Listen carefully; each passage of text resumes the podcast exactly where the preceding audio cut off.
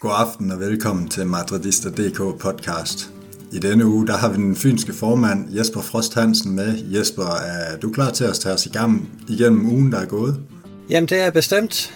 Der er jo trods alt sket lidt hister her.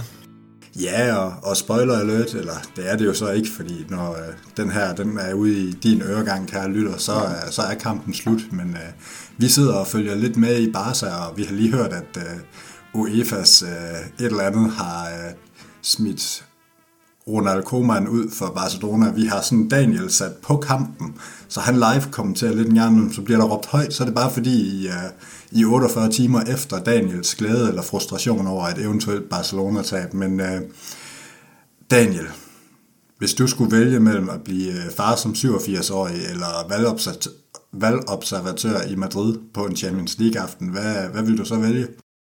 Det er sgu et rigtig godt spørgsmål. Så har jeg sgu nok taget faren som 87-årig. Det, det må jeg sige, hvis det var 87, du sagde. Og jeg ved ikke, om du har refereret lidt til den her med Marcelo, han skal... Skal være far som 87-årig? Ja, han skal være far som 87 Nej, men han, han skal stå og... Ja, jeg kan sgu ikke engang... Øh, det, det kan være, at du kan folde den bedre ud, skulle jeg næsten til at sige, men uh, han, uh, han ser i hvert fald ikke ud til at kan komme med i uh, returkampen mod Chelsea. Nej, lige præcis, og det vil vi komme ind på senere, det her med, at han skal være observatør til et valg i, i Madrid, et lokalvalg.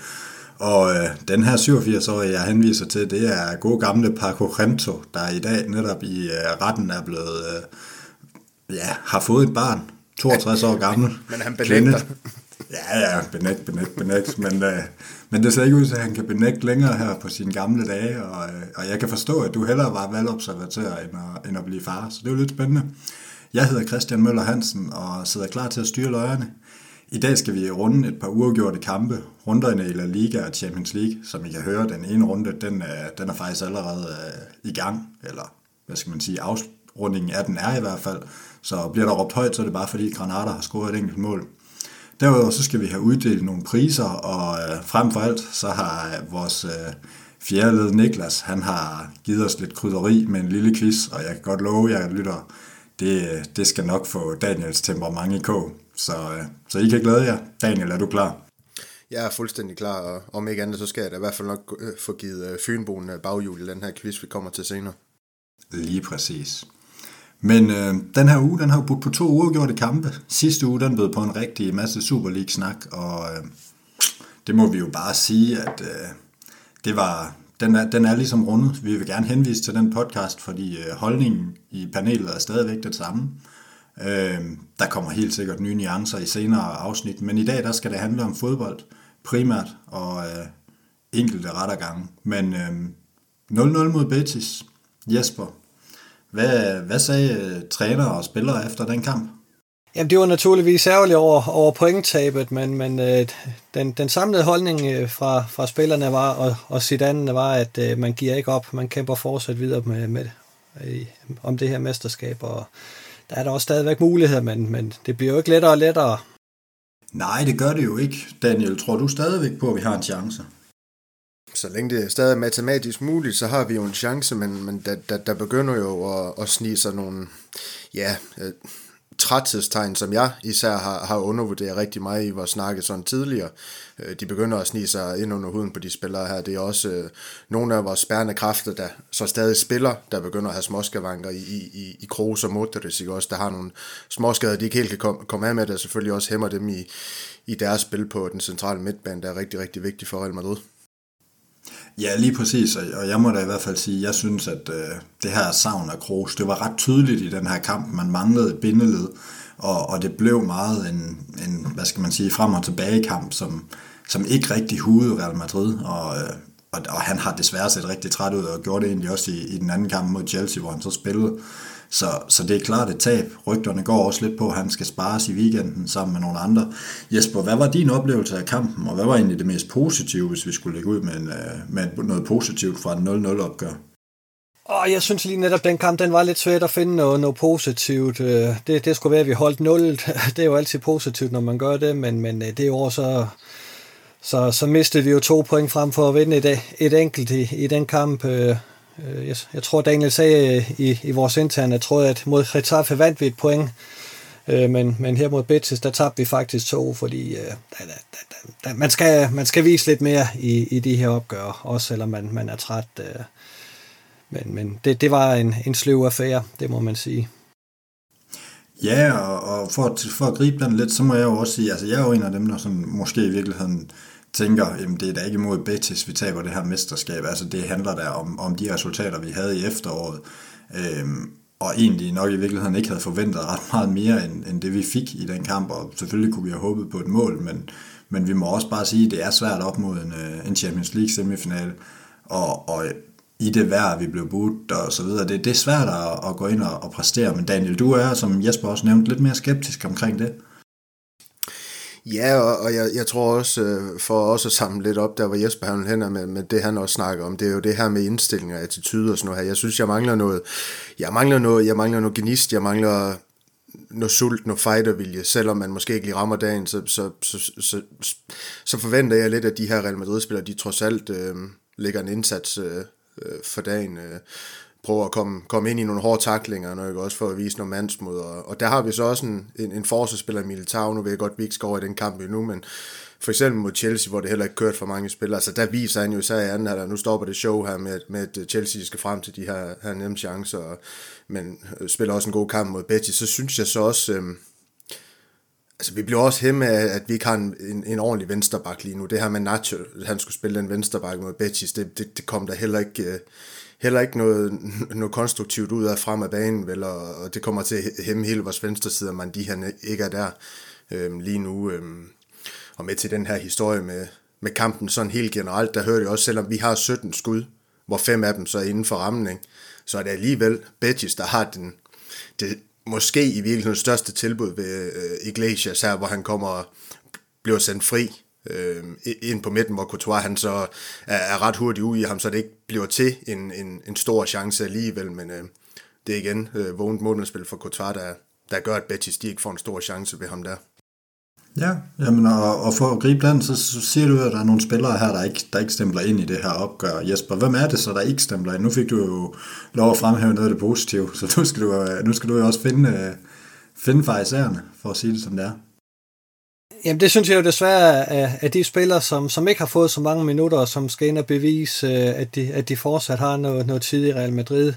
Altså Isco og Marcelo synes jeg ikke uh, leverer vanvittigt godt. Uh, og det kunne jeg måske godt have tænkt mig, at, at de gik ind og, og viste lidt mere arbejdsiver, når, når nu de andre er trætte og slidte, at de så tog, uh, tog en, en tur for dem, men, men det virkede det ikke rigtigt til, at, at de gjorde så. Så de skuffede mig især. Daniel, det er vel næsten retorisk, øh, hvis jeg skal spørge dig, om du er skuffet over Isco. ja, det er jeg. Eller det, det vil det jo være, og derfor synes jeg heller ikke, jeg behøver så at sige så meget om ham, men jeg synes alligevel, jeg, at jeg vil, øhm, jeg vil knytte en kommentar på Rodrigo. Øhm, jeg, synes, det, jeg synes, det er virkelig, virkelig ærgerligt, at han ikke får stemplet ind i de her kampe, hvor han starter. At det, det, det primært er fra, når han kommer fra bænken, at han kan lave et impact. Det kan selvfølgelig også være en god spiller at få på sigt, men, men det er jo ikke det, man håber på øh, niveauet, det bliver for Rodrigo. Det er jo en, en potentiel starter, en potentiel verdensklassespiller. Jeg ved godt, han er stadig ung, men han skal til at vise noget mere, når han får de her chancer for starter. Det gjorde han ikke. Han, han havde det her utilsigtede forsøg i, var det ikke anden halvleg, hvor den rammer overlæggeren ved, ved et indlæg, øh, der nok i virkeligheden var vores øh, største chance i, i hele kampen for at score et mål, paradoxalt nok ikke også. Øh, Hazard, da han kommer ind, det var opløftende at se ham i de minutter, han, han fik der. Øh, det vil jeg så også sige i forhold til det her slutprogram og, og håbet om både en, øh, en La Liga-titel, men også øh, en, en finale i Champions League. Ja, men lige præcis.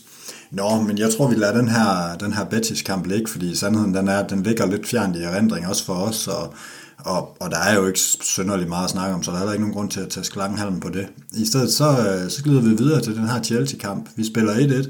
Vi er under et gevaldigt pres de første 20 minutter, og Pulisic får, øh, får banket ind i kassen efter øh, adskillige Chelsea-forsøg inden Benzema han øh, først hakker den på stolpen, og så hakker den i kasse til, til 1-1, der så også bliver kampens resultat. Og, og Daniel, du har sådan haft øh, til opgave at kigge lidt på øh, et par pointer fra, fra pressemødet fra den her kamp.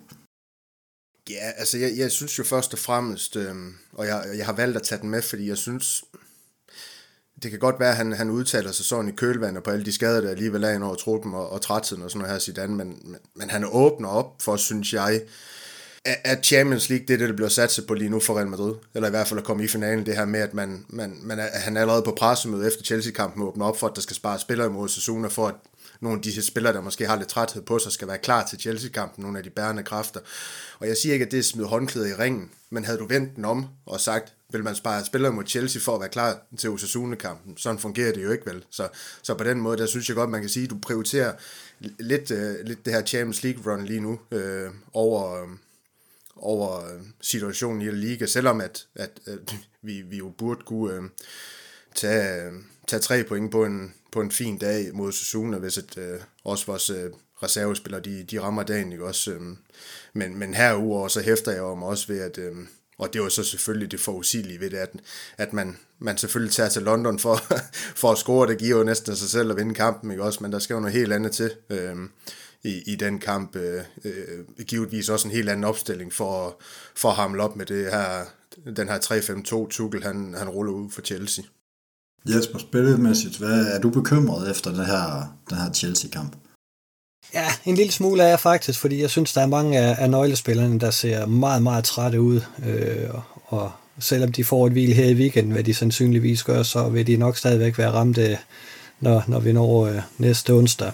Øh, så, så lidt bekymret er jeg faktisk, men øh, det trøster mig lidt, at det, det ser ud til, at Mangdi og, og Fede Valverde øh, er tilbage til den kamp, fordi dem får vi rigtig meget brug for. Ja, men lige præcis. Altså, det man jo kan være bekymret for med, med Mangdi, det er, om man igen får ser en spiller tilbage fra skade. Vi har set det med Cavaralda i dag igen er, er blevet skadet og, øh, og løbet ind i sin er det tredje muskelskade på, på lige så mange måneder. Og det er faktisk også lidt til, at vi har fået et spørgsmål fra Bjørn Bjørndal Hersted inde på, øh, inde på vores Facebook-gruppe Madridista.dk podcast, som har spurgt til lægestaben, og vi må sige, at vi arbejder på at, at få en ekspert ind, der kan, der kan sige noget om det her, fordi vi ved simpelthen ikke nok. Øhm, men man kan i hvert fald være rigtig bekymret i forhold til, til mange de på det her område, fordi det, det er meget at skulle komme tilbage og starte direkte mod Chelsea. Men jeg må sige, Jesper, som du siger med Valverde, det, det Kom så, Granada! 2-1! Sådan! Så Kæft, tror jeg, der er scoret i, uh, Sådan. på no kamp, hvis, uh, hvis nogen var i tvivl. Så, uh, og, og nogle andre fik sprukket deres trommehænder, men det ligner, det ligner, vi er tilbage i mesterskabskampen, drenge. Det er lige før, vi bare skal live kommentere de sidste øh, 12 minutter af opgøret i, på nu kamp. Vi tager det hele med. Fede Valverde, han er, hvis jeg siger, Daniel, Fede Valverde, han er det, der gør, at vi spiller øh, med i Champions League-finalen. Har jeg så ret? Øh, ja, Jamen, jamen det har du. Altså, det, det er egentlig ret simpelt, fordi Real Madrid de mangler den her spiller, der kan tro dybden på, på et Chelsea-mandskab, der, der spiller den her 3-5-2. Øh, det, det bliver for stationært, det vi, det vi har, og Modric han kommer ikke i de her runs længere. Øh, så kan man sige med, med baksituationen lige nu, hvis man de han ikke går hen og bliver klar til Chelsea, så kan det jo komme til at, afhæng, altså kan Valverde jo komme til at skal spille en, en højre bakke, og Jesper han var ikke tilfreds med ham mod øh, Liverpool i returen. Jeg synes jo, han, han gjorde det jo fint nok dernede, øh, trods de værktøjer, han nu engang har, men, men vi, vi, altså, det her med, at han, han kan bryde linjen og sådan noget her, det er jo, det er jo noget Chelsea, de skal forholde sig til, når det er, så øh, det, øh, det kan blive udslagsgivende at, at få sådan en spiller ind. Ja, lige præcis, og jeg synes, det var tydeligt i den her kamp mod Chelsea, at vi manglede netop den, der kunne lægge det der pres, den, der kunne bryde kæderne. Og de gange, vi har haft succes i 3-5-2, der har det faktisk netop været med Valverde på en, øh, på en højre kant, højre bak, øh, højre vingbak, eller hvad man kalder det. Øh, og den kan jo så passende tage fra Cavaral nu, og så må vi så se, hvem det er, der starter i venstre side, om, øh, om det er manden, der, øh, der skal være valgobservatør, om det er Mangdi, eller om, om vi finder en helt, en helt tredje mulighed. Øh, men altså, spændende i hvert fald. Vi har faktisk fået et andet spørgsmål på, øh, på vores Facebook-side her, øh, og den, den synes jeg, jeg vil smide over til dig, Jesper. Det er Daniel Brygner Sørensen, som spørger om de her rygter, der gik til, øh, om kampens dommer ville, ville straffe Real Madrid i... Øh, eller om UEFA vil straffe Real Madrid igennem dommeren, Danny Macchiele, tror jeg han hedder. Jeg kan ikke lige øh, huske hans navn på stående fod. Øh, Synes du, at, øh, at de gjorde det, eller, eller var han egentlig øh, ganske glimrende? Det var vel kampens fornøjelse. Altså, han gjorde det jo aldeles fremragende. Der, der var ikke noget som helst, der kom efter øh, øh, fuldstændig fejlfri præstationer, og det er jo, det er jo typisk spansk pres at, at få, få det, prøve at få det fedtet ind, at øh, nu bliver Real Madrid straffet af UEFA. Altså, der, jeg ved ikke, hvor mange kameraer der er på den kamp, og altså, man kan, man kan jo ikke man kan jo ikke lave sådan noget snyd uden, at det bliver opdaget af kameraerne, og, så, og selvfølgelig går UEFA ikke ind og laver sådan en. Øh, det kan kun komme til at ramme dem selv i sidste ende, øh, så, så det er det er spansk pres, når de skal have noget at skrive, og det, det var en god historie, men, men uh, den havde ikke ret meget på sig, heldigvis, og selvfølgelig. Nej, lige præcis. Nu har vi jo ofte været lidt efter UEFA, og, og hvad skal man sige, ro skal jo gives, hvor ro skal gives, og, og jeg vil da i hvert fald gerne give dig, give dig ret, jeg vil jo også sige ligesom dig, at det vil jo være helt tudetosset at gøre noget så åbenlyst, øh, som at gå ud og bede ham dømme på en bestemt måde. Han skal jo dømme den fodboldkamp, som den skal dømmes.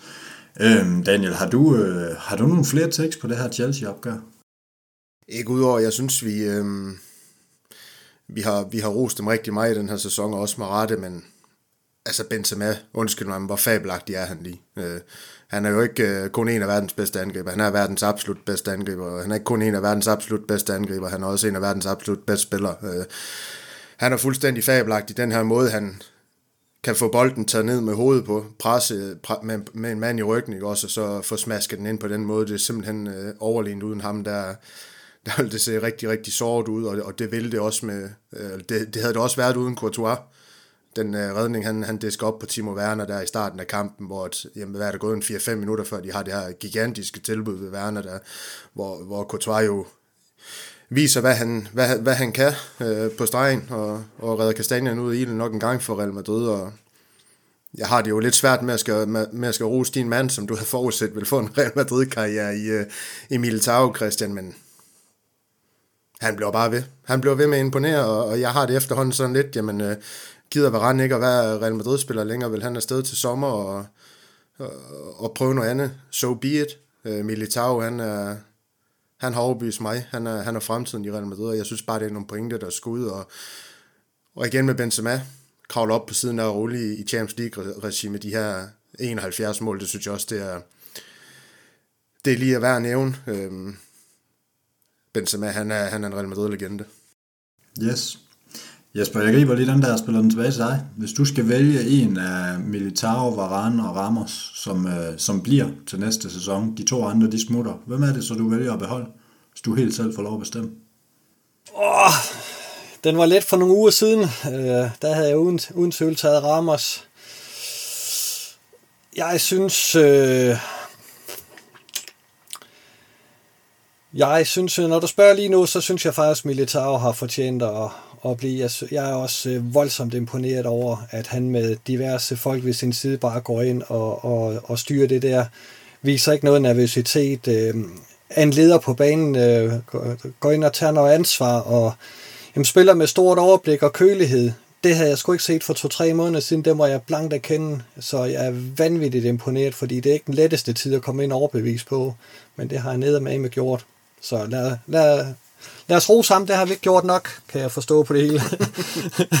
Nej, jeg vil sige, øh, man har, man har da nogle gange følt sig lidt, over, lidt, lidt overladt til sig selv over i hjørnet af folk, der forsvarer Militao, men altså, nu mangler vi jo næsten bare, at Daniel han får øjnene op for Jovic, så, øh, så er der fuldt huset. Men, øh, men nok om det. Vi har været lidt igennem de her kampe, og som nævnt, en quiz, og vi spreder det lidt ud i dag. Det er I slet ikke klar over, I er ikke informeret om, hvordan det her det skal forløbe.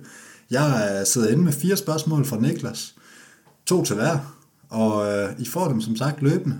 Jeg synes, Daniel, du skal, du skal have lov at bestemme, om, øh, om du vil starte med et øh, nyt eller et gammelt spørgsmål. Jeg, øh, jeg tager...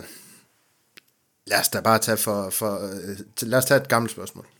Okay, det giver jo måske Jesper en lille edge senere, når han skal, når han skal huske noget, det forestiller mig ikke. Noget, noget nyt. Men man kan sige, det giver jo så måske øh, dig en edge nu, når du skal svare på, hvor mange semifinaler Real Madrid har været i i Champions League og Europacupen igennem tiderne. Det var da og der er ikke, der er ikke svar muligheder. og det er ikke sådan, inden, jeg, jeg, jeg må ramme inden eller ved siden af, af fem. Nå. Åh, oh, ja.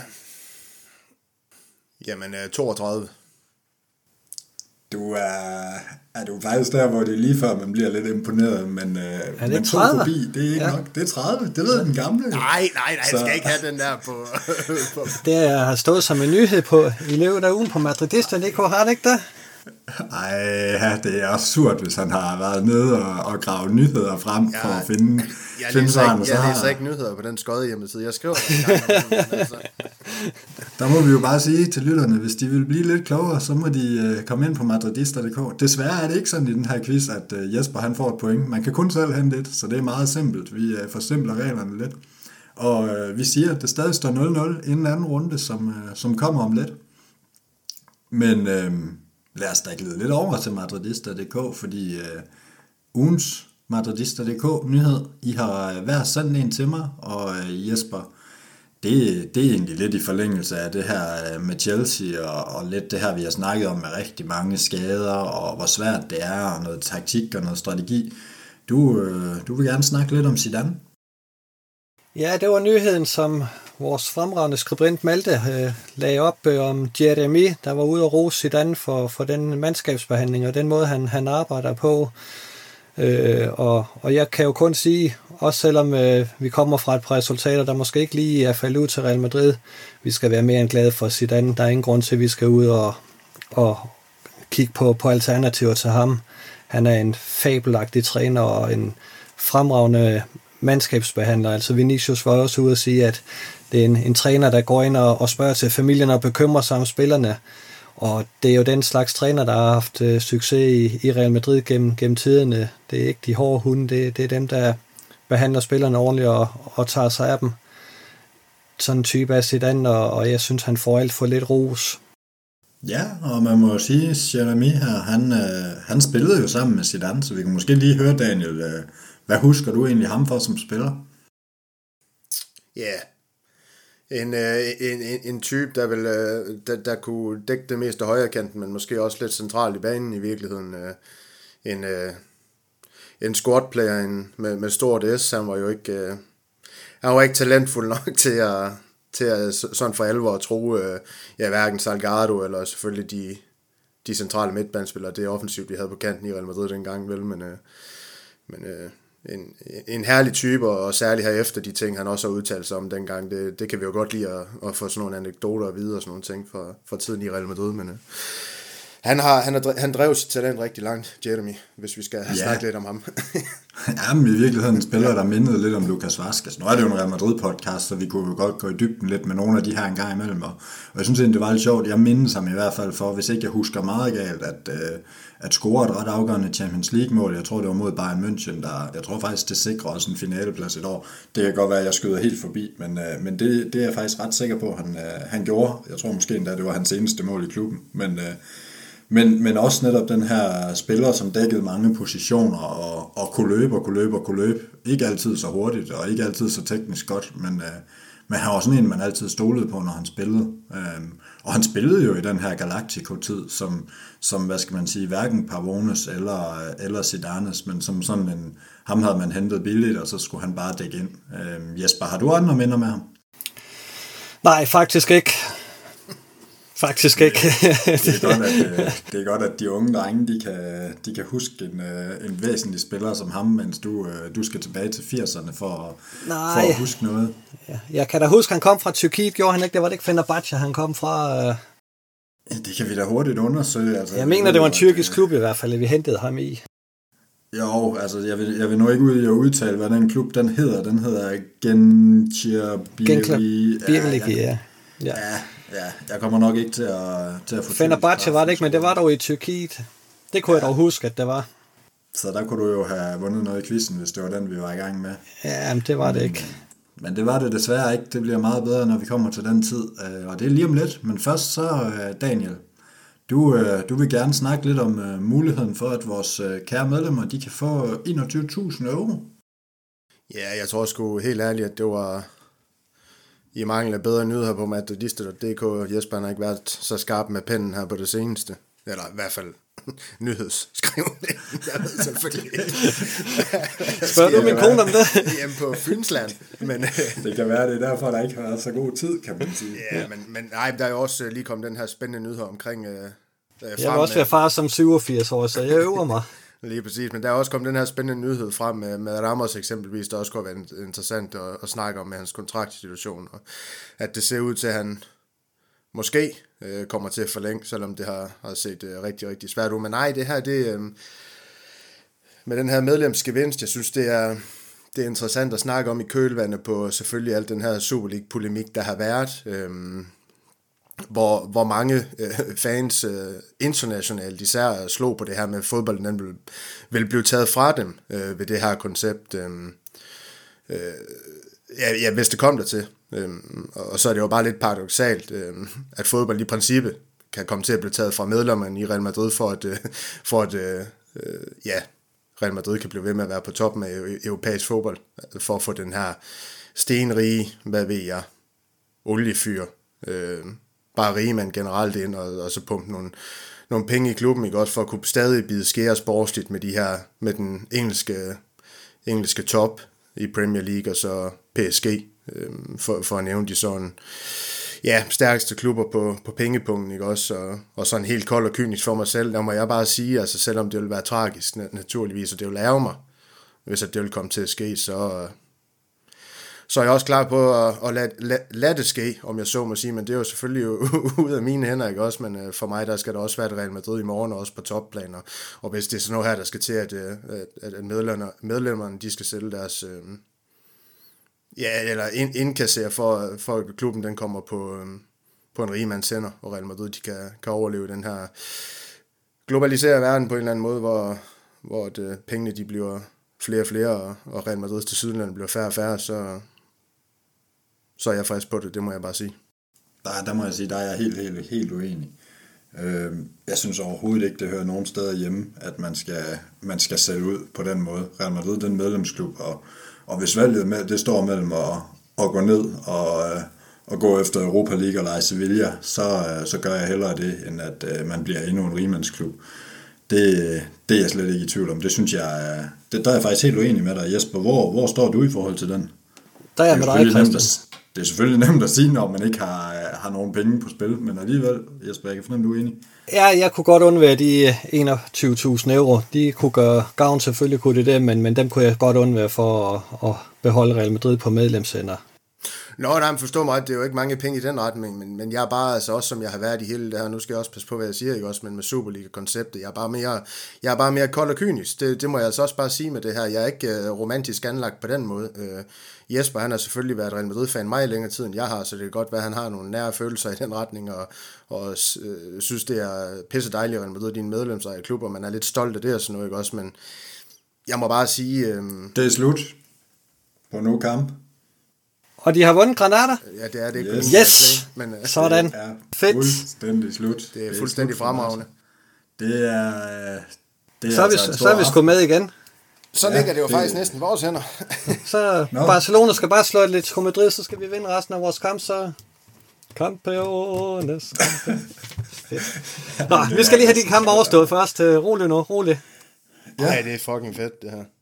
Ja, det er da simpelthen noget af det smukkeste, vi har været ude for længe. Min far, han skriver også Granada, kan jeg se, så det kører bare. Det, øh, det blev ramt af et Granada-chok, gjorde det ikke det? Barcelona, ja. kan man sige det? Åh, oh, ja. oh, hvor det kører på, på, på Fyn. ja, det skal jeg love for. Jeg på revybussen, den ikke kommer og henter dig. Ah, det er da lige inden. Ja, det er da næsten, det er da næsten en øl værdigt. Det, det må man sige. Jamen, så skål. Vi, Ja, ja. Det var lige før vi blev uvenner, ved hvad, jeg bliver lige nødt til at hente en øl. Der er lige, vi tager lige en uh, kort pause. Det er en uh, lækker sejrsøl, der bliver åbnet her. Uh, fra Granada, skulle man næsten tro. Men uh, den er i hvert fald spansk. Jesper, du skal have lov at forsvare, hvorfor du mener, at uh, Real Madrid for alt i verden skal være på medlemshænder. Fordi så har medlemmerne dem, der holder med Real Madrid, de har, har lidt styr på, hvad, hvad, der, hvad der foregår øh, i, klubben. Altså, Florentino Pérez kan skiftes ud, øh, sådan i, i princippet. Jeg ved godt, det er blevet, blevet svært, men, men får du en rig mand ind, så kan han sidde øh, og, og hygge sig med det lige indtil han ikke gider mere. Og, og jeg synes, øh, sporene i Spanien øh, skræmmer i gevaldig grad. Altså, Malaga tror jeg ikke, de jubler over, at de har haft en rig mand siden. Øh, Valencia gør bestemt ikke. Øh, det, jeg, jeg synes bare, det er forbavsende få klubber, der har haft glæde af de der rigmænd, altså tager går til udlandet, Inter, ja okay, de vinder mesterskabet i år, men ellers har der jo heller ikke været nogen dans på roser. I England tror jeg ikke, der, der er der vel kun Chelsea, der, der er tilfreds med, med deres øh, udenlandske ejer, altså i, i Manchester, ja, Manchester City også selvfølgelig. Men Liverpool og Manchester United, øh, de har jo længe været utilfredse med, med de der rigmænd. Det er, du, du risikerer at få en ind, øh, som i virkeligheden ikke interesserer sig ret meget for fodbold, og som ikke har ret meget forstand på det. Øh, og og det, det, det er nok ikke villigt til at, at satse øh, på, på med Real Madrid øh, for, med, med det nye stadion, vi får, så ligger der også nogle indtægtskilder her, som selvfølgelig vil forbedre klubbens situation betragteligt. Så, så der skal nok være et Real Madrid til os i, i morgen og i fremtiden også. Og så må man jo sige, der er jo også den her med, hvem er det, de bliver solgt til, hvis de går ud af det. Altså det kan man jo også sige i, i United for eksempel med Glazer. Hvis Glazer-familien de sælger, som der er rygter om, jamen hvem er det så, der går ind og, og byder på det og overtager det? Det, det, er man jo, det har man jo ingen idé om overhovedet. Og hvad de vil drive det med af, af hensigter. Så, så det er jo også altid en risiko. Øhm, så der er jo nogle risikoer, eller risici ved at, ved at lade andre drive det. Men, men der er jo også nogle åbenlyse fordele. Dem kan, dem kan Paris og, og hvad hedder det, Manchester City og, og så videre helt sikkert snakke med om. Så, øh, så der er både for og imod. Og Jesper, øh, du taler din sag rigtig godt, så jeg synes, øh, du skal have lov at, at have dit spørgsmål her i, i, i quizzen. Vi, er, vi har et, et nyt spørgsmål til dig, et lidt mere moderne spørgsmål, og det er egentlig ret simpelt. Ja, det skal det du ikke sige. Hvor, hvor mange semifinale mål i Champions League Cristiano Ronaldo har scoret for Real Madrid? Ja, det er da simpelt. Så har han lavet 14, det ved jeg. Nej, så mange har han ikke lavet, det tror jeg ikke. Har han lavet 8? Daniel, har du, øh, ligesom Jesper havde svaret før, har du det så? Var det Cristiano Ronaldo? Ja. Der hvad? Fordi så, hvis, han, hvis han svarer 8, så tror jeg, jeg misforstår spørgsmålet fuldstændig. Jeg klipper det her ud. Bare lige. Det skal du da ikke. Hvor mange semifinalmål han har lavet i Champions League for Real Madrid? Jamen har han ikke lavet 8 alene mod Bayern München? Jeg, jeg, jeg forestiller mig lidt, at han har lavet øh, 12. Ja, i midt imellem 10. Så øh, der er heller ikke point her. Men øh, selvom Daniel han prøvede at klippe ud, at han ikke var så kvik, så, øh, så må vi tage det hele med. Sådan er det, kære lytter. Du kommer med bag facaden, og den er, den er lige så grim som facaden, så det er, det er nogle gange lidt ærgerligt. Vi... Øh... ja, det må jeg undskylde, jeg smider under bussen der, drenge. Sådan er det. Det har vi prøvet før. det er sgu i orden. ja, vi har jo haft Mourinho som manager. Ja, det var det. Nå, vi... Øh...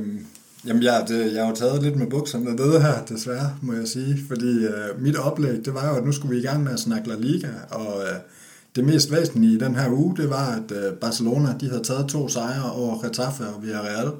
Vi kan jo øh, lige endnu en gang runde glæden over, at Granada så til gengæld har slået dem her til aften. Derudover så har øh, Atletico Madrid, de har slået Huesca og øh, tabt til Bilbao, alt imens øh, Sevilla, de har slået Granada 2-1, og øh, det gør jo, og det gør det jo endnu mere med, hvad hedder det, øh, den her aftens resultat, at Sevilla lige pludselig melder sig ind i mesterskabskampen, Daniel, øh, er der overhovedet nogen mulighed for, at de løber med titlen? Øh, det spørgsmål, det, det føler jeg, jeg har fået de sidste øh, to, tre, fire gange, vi har snakket, og jeg har sagt nej alle gangene, og alle, for, for hver podcast, der er gået der, Sevilla spiller sig tættere og tættere på de, de tre tophold, så man skal, man skal nok ikke afskrive dem helt. Øh, vi kan så selv få gjort kål på dem, når, når, når vi har dem, ikke også? Så det, det, det kan man jo så håbe på, at, øh, at, at, at vi kan få sat os op til, at så slå dem også en, en, i kølvandet på det her resultat. Øh, Barcelona, de ikke spiller sig til i aften mod, mod Granada, men uh, de skal tage seriøst, Sevilla, det er der jo ingen tvivl om. Ja, og, og bare lige for at runde den, så har vi jo Sevilla næste weekend efter en Chelsea-kamp. Vi snakker om trætte spillere. Altså hvis Sevilla de går ind og vinder den, og, og, og Barca så Atletico de spiller uafgjort, jamen så har vi jo en situation, hvor, øh, hvor Sevilla de faktisk kun er et point efter Atletico og ligger nummer to i La Liga. Så Jesper, jeg vil da, jeg vil da på alle måder smide dem ind i mesterskabskampen. Ja, det skal man også, øh, fordi de er jo inde i en, en udmærket periode, øh, og, og det, er jo, det er jo sådan nogle, en lang stræk, der, der kan gøre, at man, man kan rende med, med et mesterskab, så det, øh, jeg, jeg vil ikke afskrive dem. Øh, det bestemt ikke. Det, det, bliver, det bliver utroligt tæt her de, de sidste fem spillerunder. Lige præcis. Det er jo et hold, der ikke har tabt siden vores 105 års fødselsdag den 6. marts. Så, øh, ej, ikke 105, jeg regner da helt forkert. Øh, hvad er vi ude i der? 119. 100, 119, ja ja. Matematik, det er ikke min force. Det er Niklas, vi har til det. Og han er ikke med i aften. 119, men det var vores fødselsdag den 6. marts i hvert fald. Der tabte de til Elche, og siden der har de, øh, der de hedder Luther sejre og to uger gjorde det hjem. Så, så de er jo mega godt kørende, og, og modsat alle de tre andre, de snubler på skift. Vi har bare set det her den seneste uge. Så, så det er jo en, altså, La Liga har aldrig været mere spændende, og det er jo, det er jo mega fedt, også i betragtning af, at vi altid har hørt på, at La Liga, det er, det er kun to hold, og så er det ikke alt muligt andet. Daniel, er det, ikke, øh, er det ikke netop et tegn på, at man har et rigtig godt produkt i Spanien, og det burde man bare få meget mere ud af? Er det det? Det ved jeg ikke. At man har fire hold inden for tre point med fem runder igen. Eller er det et tegn på, at der er et lille dyk i, i Real Madrid og, og Barcelonas trupper, Sådan synes jeg også godt, man kan, man kan, man kan anskue det, hvis man skal ja, være lidt flabe og, og vise lidt disrespekt over det Atletico Madrid og Sevilla, de laver, selvom det er flot arbejde, Simeone og, og Lopetegui, de, de laver i henholdsvis Atletico og så Sevilla, ikke også, men uh, der er jo ingen tvivl om, at uh, vi alle sammen havde forventet langt mere den her Real Madrid-trup op til den her sæson. Vi regnede jo med, at det blev, det blev et, et, et rimelig sikkert mesterskab, så vidt jeg husker, med vores forudsigelser og sådan nogle ting her, ikke også. øhm, så der, der, der er sket nogle ting hen over sæsonen, selvfølgelig skader en del af det, men, men også en, en, en ung trup, hvor der er mange unge spillere, der, der begynder at finde deres plads i, i Real Madrid, men også i Barcelona. Så jeg tror også, det er noget af det, vi ser, og, og det kan man jo også se på pointhøsten og, og ustabiliteten. Ja. Jesper, i weekenden, der hiver, går du ind i skabet. Du skal nok komme ud igen. Men øh, nu springer du ud med Valencia-trøjen på. Er det det, der sker, når de skal møde Barca? Ja, det er vel en af de få gange om året, hvor jeg godt øh, kunne, kunne gøre som Paul Pogba og tage en Valencia-trøje på. Øh, øh, ej, jeg tager ikke en Valencia-trøje på, men, men øh, ja, så galt kommer det ikke til at gå. Men, men øh, jeg vil ikke have noget mod, at de fik tre point i den kamp. Der må, der må da bare sige det sådan. Det ville da være skønt.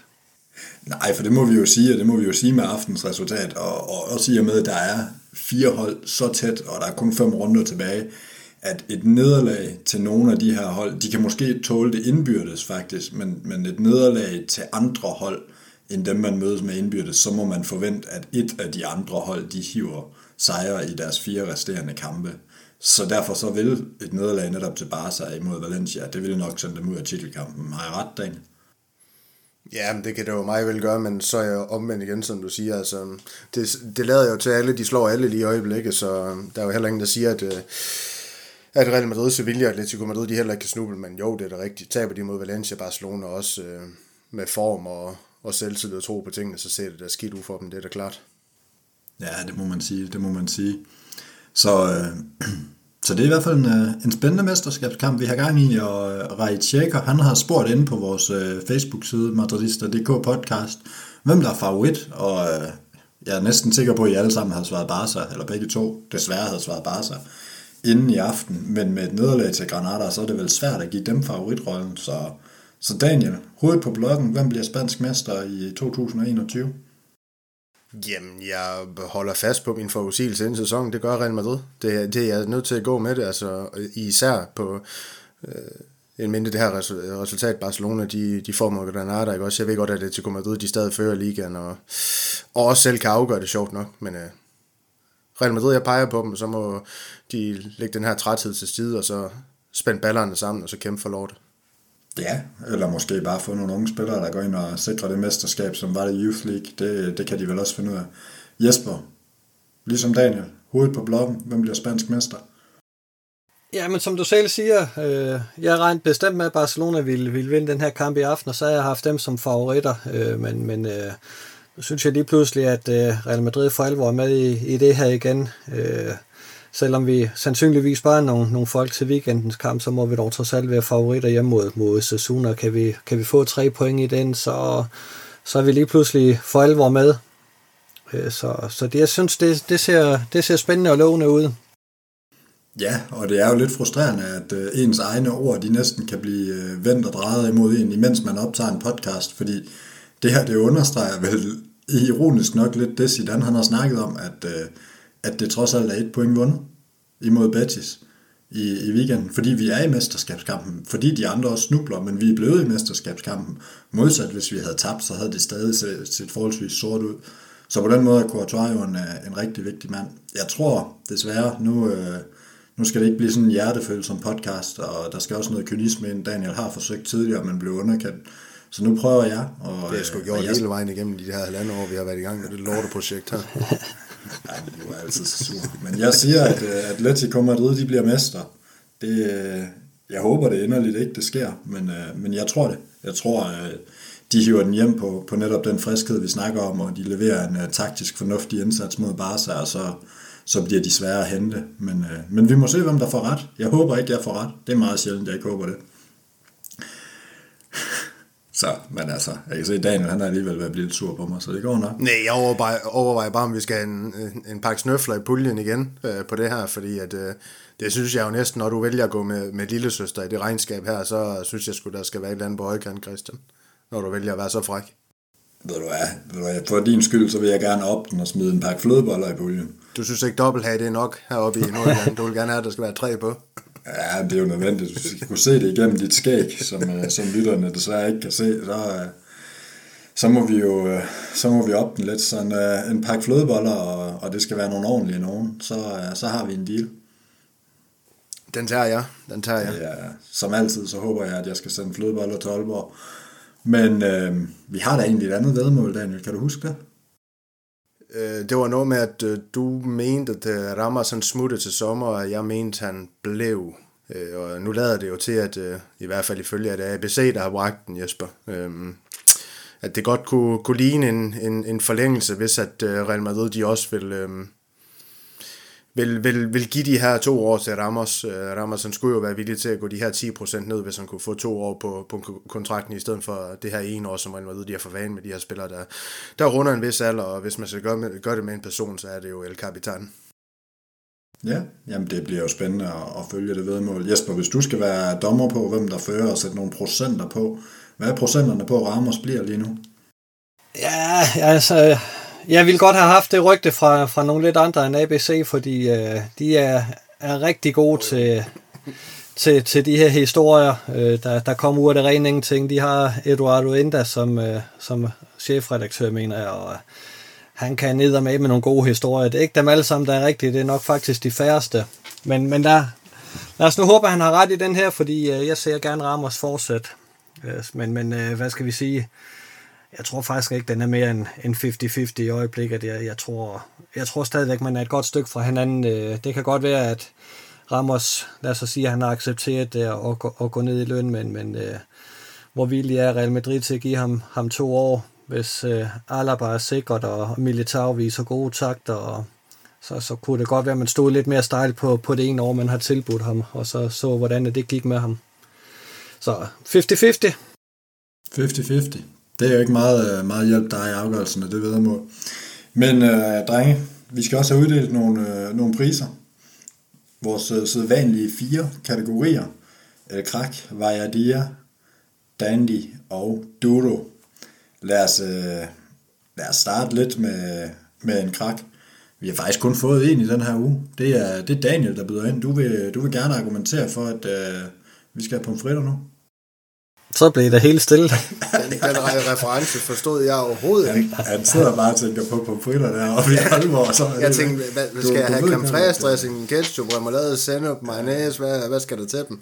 Du ved øh, at man taler som regel om belgiske pomfritter. Er Jesper ikke kommet med en krak, jamen så bliver det jo nemt, så, så er jeg jo ikke engang øh, nødt til at argumentere, men jo, Courtois, øh, ingen tvivl for mig, jeg ved godt, at øh, at det er i forbindelse også med La Liga, men jeg, jeg synes, vi har bredt de her priser lidt, længe, lidt mere uden bare til La Liga sådan generelt. Det han disker op med imod, øh, mod Chelsea, det var, det var ganske enkelt formidabelt i, i, i de især 20-30 minutter i starten af, af første halvleg også, hvor at han holder Real Madrid ind i, i det her i den her kamp, og og sådan mulighederne for at spille sig i en øh, finale på, på Stanford Bridge, når det er, så kan man jo også tage hans indsats mod Betis, hvor han redder kastanjerne ud, ud af ilden der, som jeg også var inde på til at starte med, med Borja Iglesias. Så øhm, Courtois, jeg ved godt, den er nem, men øh, jeg synes godt han fortjener den en gang til. Ja, det er den, og, og nu skal de kære lyttere jo vide, at normalt så giver vi jo kun dem her fra La Liga, men det har både Jesper og Daniel glemt i den her uge, så vi kører fuld plade på både La Liga og Champions League på de her kategorier, fordi det kunne de åbenbart ikke finde ud af at holde sig til. Men jeg vil smide en uh, La Liga-crack i puljen, og det er 39-årige Jorge Molina. Han blev 39 for en uge siden, og han scorede netop sejrsmålet mod Barca her til Okay, den er fandme også nemmere at hive op af lommen her på. jo, jo, men Jesper, hvem, øh, hvem går du med? Så går jeg helt klart med... Øh, jeg skal holde det i egen række normalt, men med det her, den her scoring, den var jo ekstremt vigtig for os. Så, så Molina 39 år, og, og sagde du, han blev matchvinder i... Var det ham, der lavede det afgørende? Det var det lige præcis. Ved du hvad? Det afgør sagen. Jeg synes, at folk op i årene, hvis de får en succesoplevelse, så skal det fremhæves. Det er jeg klar fortaler for. Ja, men det er jo sjældent, vi snakker om folk, der er næsten lige så gamle som dig. Det er rigtigt. Indtil videre rundet Roque Molina og, og Paco Rento her til aften. Så, jeg ligger et sted lige midt imellem. ja, det, ja det, det gør du jo til ham.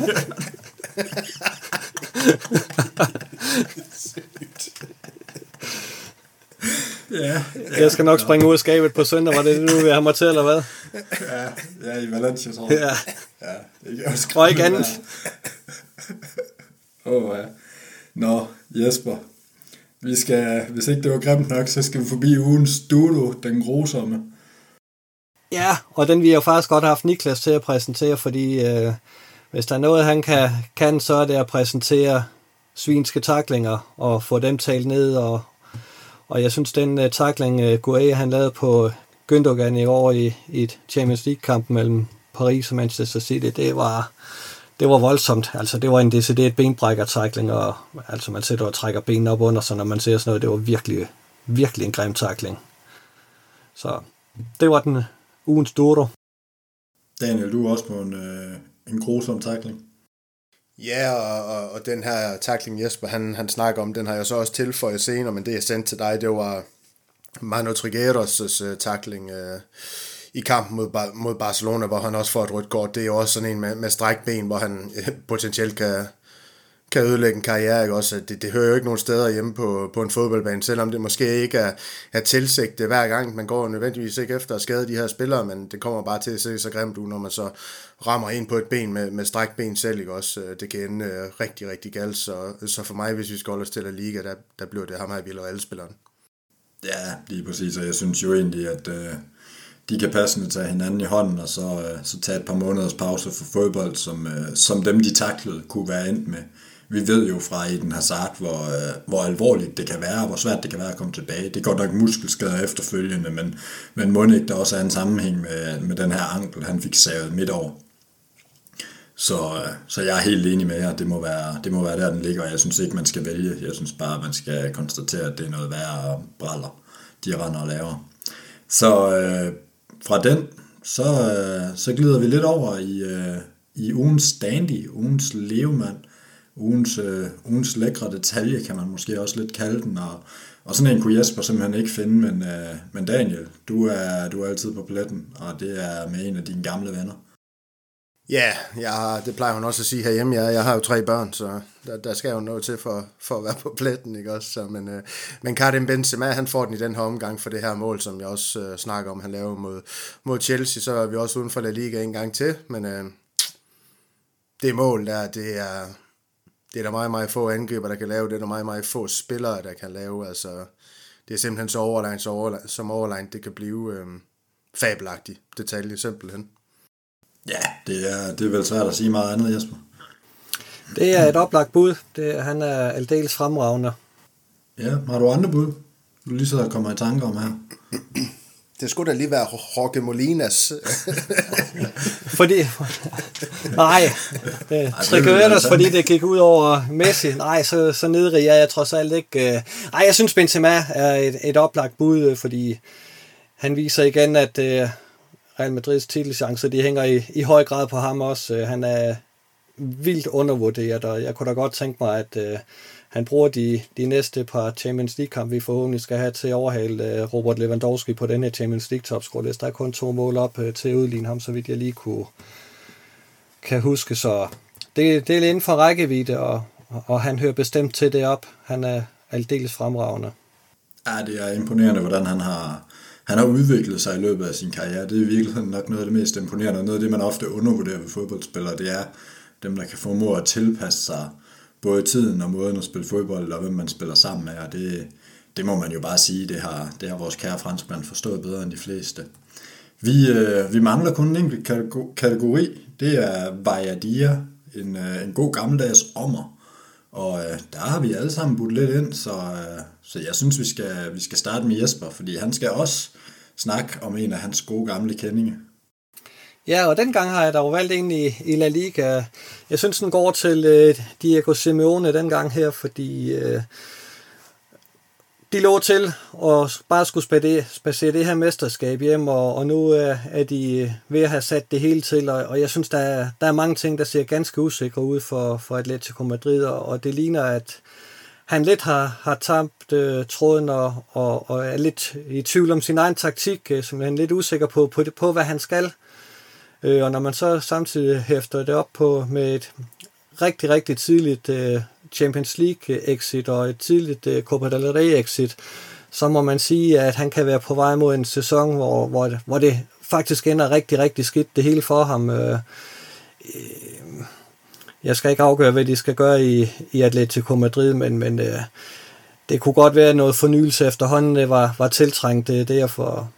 Øh, jeg synes, jeg synes ikke, han får nok ud af det, det må jeg sige. Ja, fra et, øh, fra et voldsomt postulat til en, øh, en lidt mere konkret situation. Noget, som øh, Simeone helt sikkert ikke havde øh, set gennem fingre med. Daniel, du har også en vej af de Ja, og, og det er jo de her afstemningsproblemer, som jeg synes især vores venstre side i kampen mod... Øh, nej, undskyld.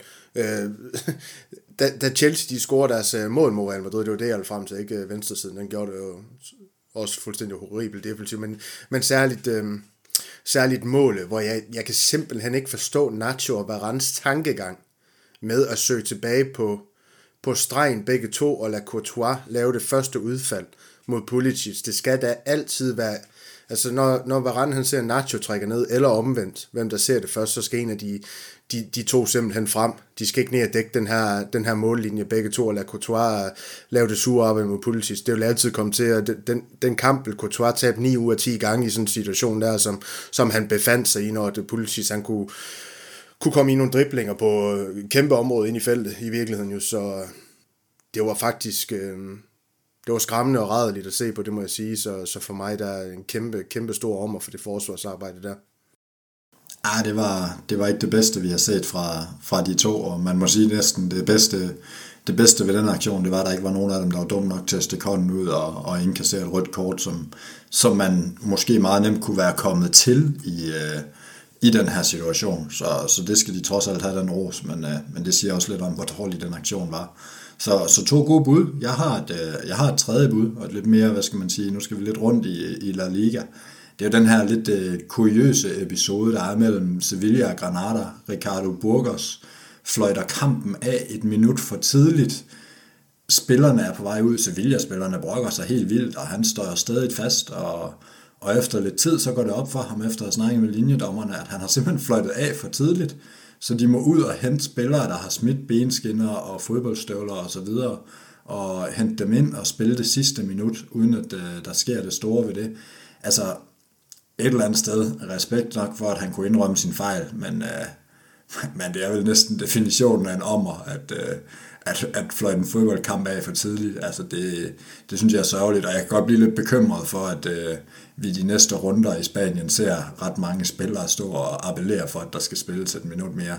Det var, det var ikke Burgos, som ellers er en rimelig habil dommers bedste aktion, og, og Mundov, han får, øh, får Barca Atletico, det vil jeg tvivle meget på efter, efter sådan en episode. Så, øh, så det er det tredje bud. Jesper, har du lavet dig øh, overbevis af nogle af os andre, eller holder du stadig fast i øh, Cholo? Ej, det, skulle jeg gå med dig igen, fordi det er da rigtigt, det er da en lidt, en lidt komisk situation, og, og en, lidt, øh, en lidt ærgerlig måde. Lad os, øh, lad os lade være at rende efter de gode Simeone, og, og så øh, lad os give den til dommeren i, i den her. Den, er, den kan jeg godt gå med på. Daniel, skal jeg gå mod aftensolen med Jesper alene, eller, eller hopper du med i uh, treenigheden og hånd, hånd i hånd?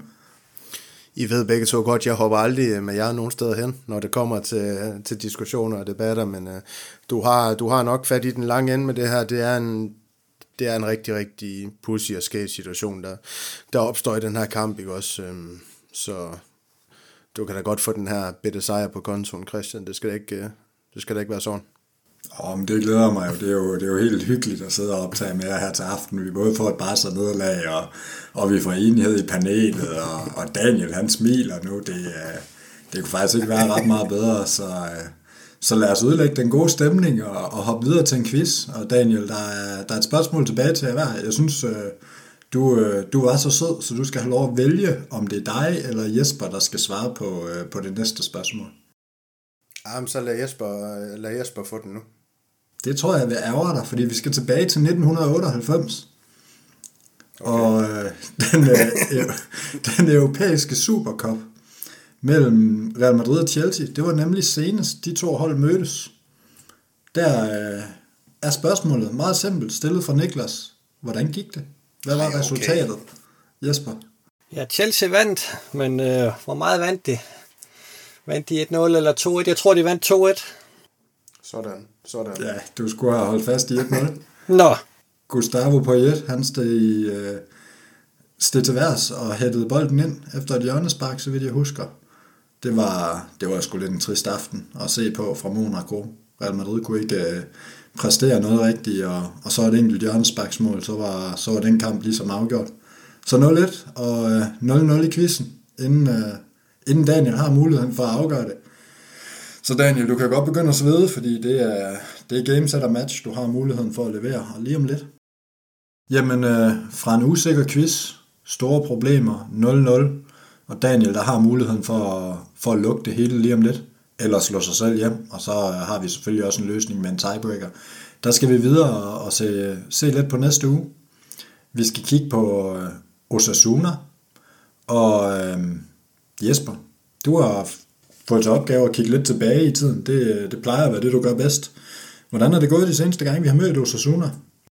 Jamen, det er jo gået overvejende godt. Vi skal helt tilbage til 11 for at finde det seneste nederlag til, til Osasuna. Så øh, det er en klub, vi har et godt tag på, og, og det er jo også øh, en af grundene til, det er vores helt særlige venskabsklub på madridista.dk. Øh, øh, det, vi spillede uafgjort i, i første rundt mod dem øh, 0-0, men, men ellers så, så kommer vi med, med fire sejre øh, imod dem, øh, og har som sagt ikke tabt øh, siden 2011, så det er vel øh, favoritter i den kamp, på trods af, at vi, vi nok kommer til at undvære et par nøglespillere.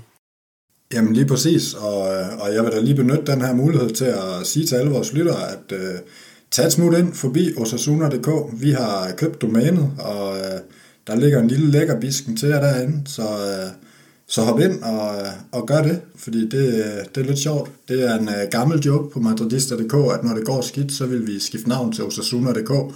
Nu har vi egentlig bare købt domænet, bare fordi det skal være sådan.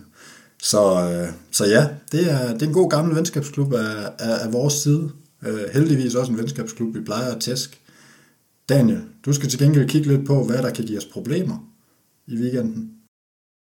Øhm, ja, først og fremmest så vil jeg, øhm, så vil jeg gerne fremhæve, at Osasuna sådan helt generelt øh, faktisk er et overraskende stærkt defensivt hold, så det, det skal man selvfølgelig ikke kæmpe sig. Det kan blive svært nok at, at få score også en mindre, at vi kommer til at mangle nogle, nogle spillere, der kan, der kan skabe noget offensivt. Altså de lukker kun, øh, ja, nu siger jeg kun, men, men det er ret godt for en 11. plads i La Liga, altså de her 1,2 mål ind per kamp over sæsonen indtil videre. Det, det femte bedste defensiv øh, hold i La Liga sammen med, sammen med Getafe. Øhm, det, det synes jeg faktisk, det er, det er ganske imponerende, når man sådan lige grænsker i tallene. Og, og så derfor har jeg også valgt at fremhæve øhm, en, af, en af deres midterforsvar som, som en, en, en nøglespiller, ikke også i, i ham her, øh, David Garcia, som, som den her klare defensive profil for dem. Han er, en, han er dygtig i sin tackling og clearing og interceptions, hvor han, han topper flere af de her kategorier for, for Osasuna, og, og så har han spillet 30 La Liga-kampe, Øh, 2700 minutter, så det er altså fuld tid i,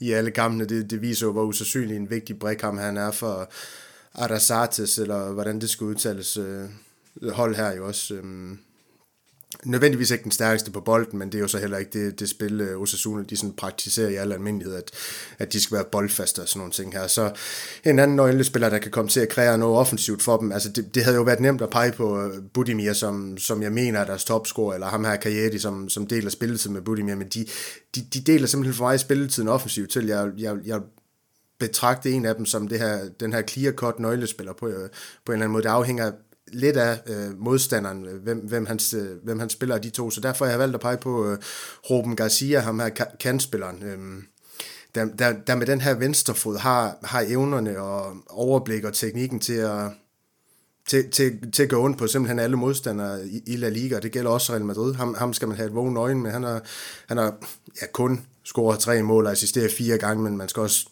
have en mente, hvad for en klub han har gjort det for. Øhm, det er ham, øh, det er ham øh, tingene de kommer til at ske fra for Osasunas øh, øh, side. Øh, kæmpe stor profil på, på de breddegrader, ikke? også i, i Pamplona, så ham skal vi, ham skal vi holde øje med, så, så kan han desuden også nogle, nogle rigtig fine ting på dødboldene. Det gælder frisbak, men også hjørnesbak, så for mig helt klart deres, øh, deres største offensive øh, profil.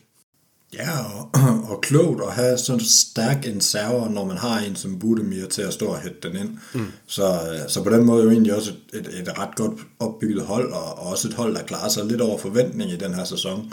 Jeg havde dem i hvert fald som, som nedrykker inden sæson, og, og det ser jo lidt mere lovende ud, så de har jo egentlig haft en okay sæson, uden man egentlig har tænkt over dem. Det er jo sådan en klassisk Osasuna-sæson. Man tænker ikke over dem, og så ender de nummer 15 og overlever. Men... Øh, men, men det bliver måske ikke så let, Jesper. Alligevel så er der rygter om, at øh, Real Madrid de vil spare nogle spillere, og du har blandt andet været med til at smide isko under bussen tidligere i aften, så, så lad os nu lege lidt med tanken, at, øh, at en ung spiller skal have lov at starte, måske endda to. Hvis du nu skulle pege på, hvem du allerhelst af Real Madrids unge spillere så starte, er det så en øh, uh, Uguduro, er det en Arribas, er det en Blanco, er det en Gutierrez? Hvem er det, du, du ser kunne gå ind og, og starte den her kamp?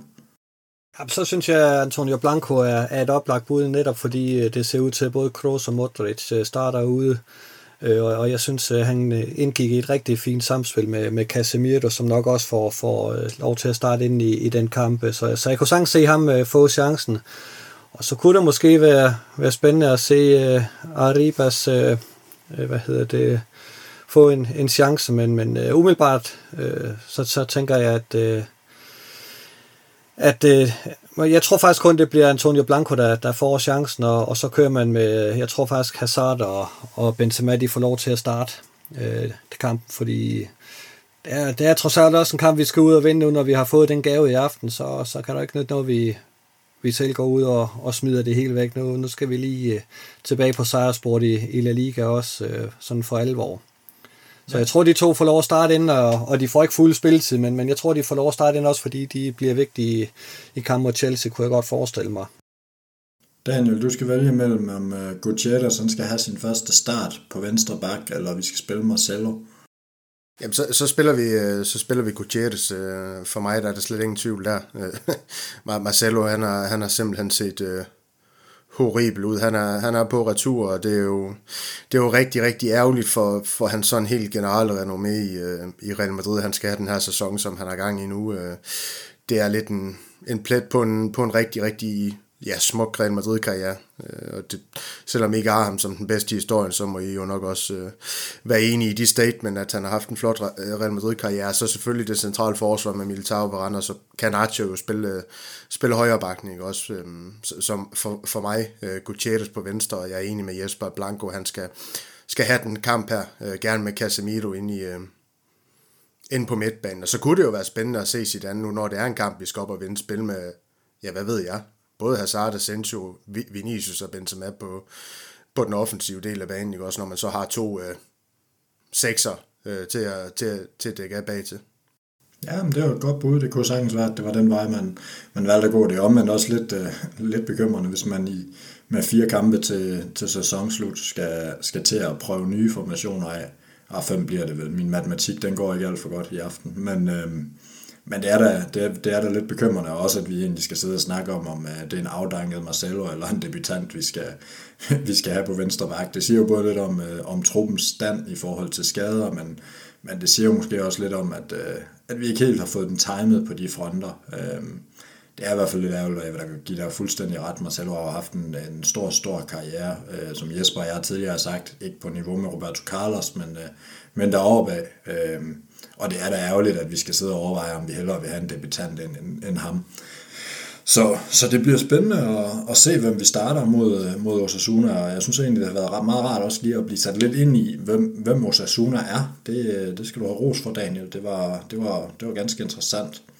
Hvis vi også lige skal, skal runde den her Chelsea-kamp, det bliver nok ikke øh, den øh, store uddybende optakt, for der er trods alt en, en lille uge til, der kan ske meget, og, og vi ved ikke, hvem der, hvem der er klar, hvem der spiller i weekenden, og, og når det er Real Madrid, så ved vi heller ikke, øh, hvem der har fået en muskelskade eller testet positiv for corona inden, øh, inden kampstart. Men hvis vi alligevel skal kigge lidt frem imod den, og, så kunne jeg egentlig godt tænke mig at spørge, hvis, hvis I skulle sætte procenter på den her kamp, det har vi leget lidt med et par gange nu i aften, hvad vil I så sige, sandsynligheden er for, at Real Madrid de går videre til Champions League-finalen?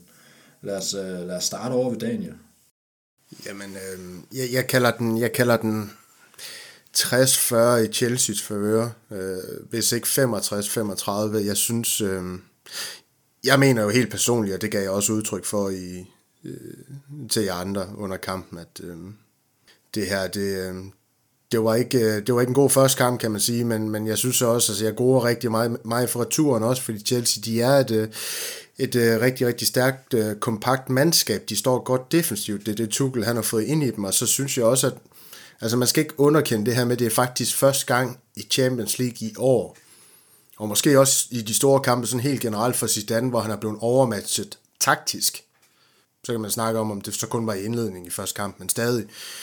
Øhm, det var heller ikke fordi Zidane han ændrede noget i anden halvleg, der gjorde, vi kom op og skabte mere. Så, så på den led, altså Tuchel, han, jeg synes han overmatchede Zidane øh, taktisk, og det, det gruer jeg faktisk lidt for os i forhold til returkampen, om, om han stadig kan justere der, øh, tyskeren, ikke også, øh, i forhold til sit mandskab, og så simpelthen bare holde Real Madrid i skak. Øh, det er Zidane, der skal ud og, og justere nogle ting, og det, det har jeg bare svært ved at, ved at se efter den her første kamp. Det kan godt være for negativt, det ved jeg ikke, men så kan det være, at Jesper han bringer mere optimisme ind i, ind i snakken og Real Madrid's chance. Ja, øh, der er ingen tvivl om, Chelsea går ind til den kamp som, som favoritter. De, de var vel, når man kigger bredt på det, det bedste hold i, i øh, tirsdags. Øh. så, så Real Madrid skal have fundet, øh, få nogle kræfter frem til de her midtbanefolk, fordi det er, bliver helt afgørende, at uh, Casemiro, Kroos og Modric, de, øh, de finder ind i, i den rytme, de havde uh, imod Liverpool. Hvis vi skal have en chance i den kamp, så, så skal midtbanen fungere meget bedre. Det skal den gøre fra start. Uh, det, det her nøglen ligger til, hvis vi skal ind og, og have en finaleplads. Ja, og, og så er det det her med, selvom jeg er lidt pessimist, så er der jo det her med, at var det her Chelsea's topniveau, vi så i første kamp? Det kunne jeg måske godt forestille mig. Var det her, det her, det var ikke Real Madrids topniveau, vi så i første kamp. Det, det håber jeg også Chelsea's fans ved, og, og, og det ved vi jo. Øhm, rammer Real Madrid dagen, og Chelsea de rammer et niveau, der under det, de leverer, lad os bare sige, første halvleg mod Real Madrid, så, så har Real Madrid der bestemt en chance, og, og det er jo selvfølgelig også det, vi skal hæfte os ved. Trods en dårlig start i første kamp, jamen så er vi jo ikke, vi er jo ikke ude af kampen. Det, det kræver blot en sejr, eller flere udebanemål i, i en remi, eller ja, i en uafgjort kamp mod dem, ikke? Også, så, så, så er vi videre til finalen, så det er der lavet sig gørligt, men, men vi har ikke gjort det nemt for os selv med det her udgangspunkt 1-1. Nej, det kan man sige, men, men omvendt, så, hvis man skærer de første 20 minutter væk, så er det jo en meget åben kamp, og, og det var netop et lidt slagent Real Madrid-hold. Jeg er også ret sikker på, at vi stiller op på en anden måde. Vi gør nogle andre ting. Alene, selv hvis vi vælger at stille op i 3-5-2 igen, så gør det noget, at man vil have Valverde ude i højre siden, som bare er enormt vigtig for at give den dynamik. Altså, Cavaral er en dygtig defensiv spiller, men for det første har han ikke været i gear, og for det andet så så er han bare ikke den samme power frem i banen og den samme fart længere på det her tidspunkt af karrieren. Så, så det er et andet Real Madrid-hold, der vil komme, og, og jeg håber også, ligesom jeg, at, at den her midtbane vil fungere bedre og forhåbentlig mase, mase Chelsea lidt mere, sætte sig lidt mere på kampen, som vi både har set mod Atalanta og Liverpool. Og jeg tror også, at både, både Kroos og, og Modric, de slår mig som nogle spillere, der er rigtig gode til at kigge videoer og indstille sig, og de var ikke ret indstillet mod Chelsea, så forhåbentlig så har de måske fået, fået kigget de her par dage, brugt øh, den fridag, de nok får i weekenden på, på netop at forberede sig både mentalt, men også, også taktisk på, hvad de skal gøre, hvor de skal stå de rigtige steder. Og så kan vi jo bare håbe, at, øh, at der måske også lige kommer lidt fra vores kanter. Lidt af det, vi mangler. Jesper, du siger, at øh, Hazard han starter i weekenden. Det tror jeg ikke, han gør. Jeg tror måske tværtimod, han får en halv time, og så, så kan det være, at man bringer ham fra start og håber på en time imod Chelsea. Øh, det, kunne være, det kunne være interessant. Det kan også være, at man bruger ham som x-factor igen. Men, men der var i hvert fald ingen tvivl om, at vi fik ikke ret meget fra vores kanter. Jeg synes egentlig ikke engang, man kan, man kan klandre nogle af dem. Det var bare ikke, øh, det var bare ikke arbejdsbetingelser, for det er svært at arbejde frem i banen, når midtbanen ikke fungerer. Så lad os håbe på en bedre indsats der, og lad os håbe på et lidt bedre taktisk indstillet hold. Så, øh, så tror jeg simpelthen nok, det skal gå. Men man må jo også sige, Chelsea havde chancen, og Chelsea havde ungdom gå på mod, og, og de lignede det bedste hold. Men igen, den her erfaring Real Madrid har, det er jo den, der gør, at man stadigvæk er i live i Europa. Man havde jo været, altså, hvad skal man sige, havde man stillet med tre midtbanespillere på 22, så var man jo blevet kørt over og havde tabt 4-0. Øhm, men de bliver bare ved, og de finder en løsning, og, og så finder de lige Benzema, der kan lyne. Så, så jeg tror stadig på det. Jeg er faktisk måske endda en lille smule mere optimist end jer. Det plejer altså at være mig, der er, der er pessimisten her. Så, så det er jo meget godt. Øhm, men jeg tænker også, det er det, vi kan sige om den her Chelsea-kamp, fordi det er svært at sige, hvordan vi stiller op. Det er også svært at sige, tror I egentlig, Zidane vil bruge Osasuna-kampen til at forberede på Chelsea overhovedet, eller, eller ligesom to helt separate ting? Daniel, du ryster lidt på hovedet. Ja, det gør jeg, fordi jeg tror simpelthen, at i forhold til det her med at underkende, hvor træt spillerne er, jeg, jeg, jeg, jeg, det er kamp, det er kamp til kamp, det her for Real Madrid nu, og vi ved, at han er pragmatisk øh, i forvejen, kan man sige sit andet, og, og han, han plejer jo gerne at, at sætte de spillere på banen, der nu engang passer til, til den enkelte kamp, men man kan jo se mod Sasuna her, han er jo han har jo været ude af luft, at han vil spare spillere, så det kommer jo ikke til at være en, en forberedelse frem mod det, der, det, der skal ske mod, mod Chelsea. Det bliver to isolerede kampe, og, og, og så må, må vi håbe på det bedste udfald i dem begge to simpelthen. Ja, jamen ganske glemrende. Jeg tænker, vi lige skal, vi lige skal runde en lille sidste detalje, Jesper. Hvis du lige skal forklare, hvad det er, der egentlig foregår omkring Marcelo og det her opgør. Fordi vi har godt nok nævnt det nogle gange, og vi har grint lidt af det, men, men for os, der måske ikke lige følger helt så meget med, og er helt så skarpe på det spanske som dig, hvad er det egentlig for en underlig situation, der er omkring Marcelo? Jamen det er jo, at han som Madridborger kan blive udvalgt til at, at, at skulle stille op til, til det her, øh, hvad hedder det, øh, valg her og, og være stå ved, ved bordene, når, når der skal stemmes. Øh, og det er han så på mærkværdig vis blevet udvalgt til, øh, øh, og, og det er der så nogle regler for, at man kan, kan blive fritaget for, og det er der så dem Real Madrid arbejder på at, at få ham fritaget for, så, så han kan være med. Og ellers så, så så er der stadigvæk den mulighed, at han kan tage til, hvad hedder det, til London på selve kampdagen. Altså det, det her valg foregår på tirsdag, så, så han vil kunne tage afsted onsdag. Øh, men, men det er klart, det er en fordel at trods alt at have ham med fra start, hvis det er meningen, at han skal være en del af truppen, så, så rejser de samlet alle sammen. Det, det, det er klart en fordel. Jeg tror, jeg tror også, det er en, en formsag at, at få det omstødt, fordi der er selvfølgelig noget arbejdsmæssigt her, der går ind og gør, at han ikke lige kan stå til rådighed til, til det her. Så du tror et eller andet sted i bystyret, der finder Real Madrid en ven? Ja, det har man gjort før, det kan man godt gøre igen. Det er jo, det er jo ærlig snak. Nå, jamen øhm, nok om det. Vi skal, vi skal runde, runde af lige om lidt, men først så skal vi da have afgørelsen på vores ikke så lidt vigtige quiz. Daniel, du, øh, du har et spørgsmål til gode, og øh, det kan sikre dig sejren over Jesper, og jeg ved, at der er noget, du gerne vil have, så er det håneret. Og spørgsmålet, det er meget simpelt. Som øh, nævnt nogle gange efterhånden, så er det leveret af Niklas. Hvor mange mål har Real Madrid scoret i Champions League i den her sæson? Og ja, er det de svarmuligheder, man får, når det er Niklas, der, der kræver en quiz? Der er godt nok stille i Aalborg. Ja, det er sgu. Ja, 16. Det er, det, du skulle lige have vendt sekstallet om, så har du haft den. 19 mål har Real Madrid scoret det er alligevel ikke helt dårligt, at, øh, at hold, der bliver kritiseret for at have en halvdårlig offensiv. Men drenge, det leder også til, at øh, vi har en udfordring. Vi skal have, have lavet en tiebreaker, fordi det kan jo ikke passe, at, øh, at det skal ende uafgjort. Hvor mange spørgsmål er der i den tie- tiebreaker? Der er et spørgsmål. Så det er ikke sådan ligesom en straffesparkskonkurrence, man bare fortsætter, når man har brændt. Overhovedet ikke. Og den der, kommer, den, der kommer nærmest vinder. Og Daniel, du svarede øh, forkert sidst, så du skal svare først. Fedt. Og spørgsmålet det er, hvor mange disciplinære point har Real Madrid modtaget i denne sæson i La Liga? Er det, øh, og, og det er her vigtigt at nævne, at et gult kort, det tæller 1 point, et gult rødt, det tæller 3 point, og et rødt kort, det tæller 5 point. Så hvor mange point har Real Madrid modtaget i den her sæson? Jesus Christ. Er det også Niklas, det her, eller hvad? Ja, ja, selvfølgelig.